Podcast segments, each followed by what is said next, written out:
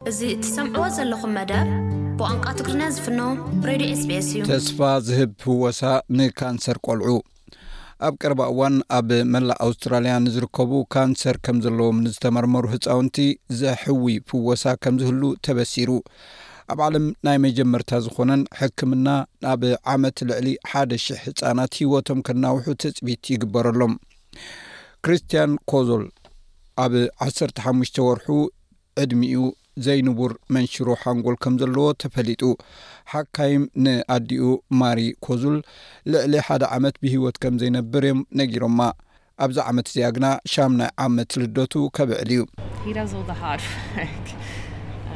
ንሱ ኩሉ ፃዕሩ ዝገብር ዘሎ እዩ ኩላትና ኣዚና ነመስግን ኢና ምሳና ምህላው ድማ ተባሪክና ኢና ጽዑቕ ሕክምና ኬሞትራፒ ኣይተዓወተን። ናይ መወዳእታ ኣማራጺኡ ኣብ ሆስፒታል ሮያል ቆልዑ ኣብ ዜሮ ቻይልድ ካንሰር ዝግበር ሕክምና እዩ ክገብር ነይርዎ።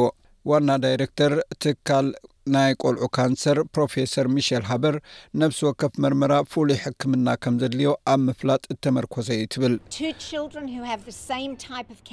ክልተ ተመሳሳሊ ዓይነት መንሽሮ ዘለዎም ህፃናት ተመሳሳሊ ዓይነት ሕክምና ክወስዱ ከለዉ ዝተፈላለዩ ግብረ መልሲ ክህቡ ይኽእሉ እዮም። ሓደ ዓቐን ጥራይ ንኹሉ ዘይበቅዕ እኳ እንተኾነ ስሩዕ ሕክምና ግና ንኹሎም ቆልዑ ኣይሰርሕን እዩ። እቲ ብዓይነቱ ፈላሚ ዝኾነ መደብ ብዛዕባ እቲ ክርስትያን ዘለዎ መንሽሮ ጂን ምፍላይ እዩ ነይሩ። እዚ ኸኣ ክሊኒካት ነቲ ኣብ ቤቱ ክወስዶ ዝኽእል ብኣፍ ዝውሰድ መድሃኒታት ክጥቀሙ ዘኽእሎም እዩ ነይሩ። ኣብ ውሽጢ ሓደ ወርሒ እቲ ጥሪኡ ሓቒቑ።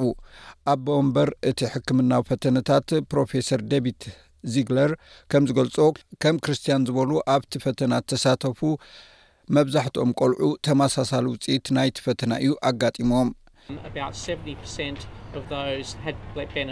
ልዕሊ ሰብዓ ሚእታዊ ተጠቂሞም እዮም፣ ወይ ጥሪኦም ምዕባዩ ኣቋሪጹ ወይ ኣብ ገለ ኣጋጣሚታት ሓቒቑ ወይ እውን ጠሪሱ ጠፊኡ። ካብ ክልተ ሽሕን ዓሰርተ ሸውዓተን ጀሚሩ ከባቢ ትሽዓተ ሚእቲ ዝኾኑ ቆልዑ ኣብ ናይ ዜሮ መደብ ፈተና ተመሪሖም ኣለዉ። እተረቐቐ ናይ ጂን ትንታነ ብምጥቃም ንመንሽሮ ዘወርቲ ንምፍላጥ እዩ ተዳልዩ። መብዛሕትኡ ግዜ መርዛም ዘይኰነ ከሕውዮ ዝኽእል መድሃኒት እውን እዩ። ፕሮፌሰር ሃበር ኣቐዲሙ ንትሕቲ ሰላሳ ሚእታዊ ብህይወት ናይ ምንባር ዕድል እተዋህቦም ጥራይ ቅድሚ ሕጂ ተኸፊትሎም ነይሩ እዩ። እዚ ኣብ ዝመጽእ ኣዋርሕ ኣስፋሕፊሑ ከም ዝረኣ ትገልጽ። ኣብ መወዳእታ ናይዚ ዓመት እዚ ንመጀመርታ ግዜ መንሽሮ ሕማም ከም ዘለዎ ዝተረጋገጸ ኣውስትራልያዊ ህጻን ናይ ውርጹጽ ዝኾነ መድሃኒት ናይ ምርካብ ዕድል ኣለዎ። ፍሉያት ምልክታት ንምልላይን ዒላማ ዘለዎ ፍወሳ ንምውሳድን ዝግበር መስርሕ ኣስታት ኣርባዕተ ሰሙን እዩ ዝወስድ። ካብ ሮያል ሆስፒታል ቆልዑ ፕሮፌሰር ዴቪድ ኤሰንስ ኣብ ቆልዑ ዝረኣ መንሽሮ ኣብ ውሽጢ ሓደ ወለዶ ከየጥፍእ ኣብ ዝግበር ጻዕሪ ዓብዪ ስጉምቲ ንቕድሚት ከም ዝኾነ እዩ ዝገልጽ።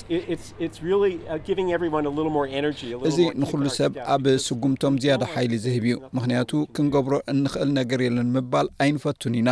ካልኦት ነቲ ናይ ቆልዑ ካንሰር ንምግታእ ዝገብርዎ ጻዕሪ ንምሕጋዝ ብዛዕባ እቶም ሓደ ሽሕ ሕሙማት ዝተገብረ ትንተና ኣብ መላእ ዓለም ክዝርጋሕ እዩ ክብል ማሪ ኮስል ይገልጽ። ስድራ ቤታት ከም ክርስትያን ደቆም ናብ ንቡር መነባብሮ ክምለሱ ከም ዝኽእሉ ተስፋ ዝህብ እዩ። ታሪኽ ክርስትያን ንምክፋልን ካልኦት ስድራ ቤታት ዋላ እውን ሕማቕ ናይ ሕክምና ጸገም እንተለዎም ዕድል ክረኽቡ ከም ዝኽእሉ ተስፋ ንምሃብን ኢና ሎሚ መጺእና ዘለና። እዚ ሬድዮ ስቤስ ብቋንቋ ትግርኛ ዝፍኖ መደብ እዩ።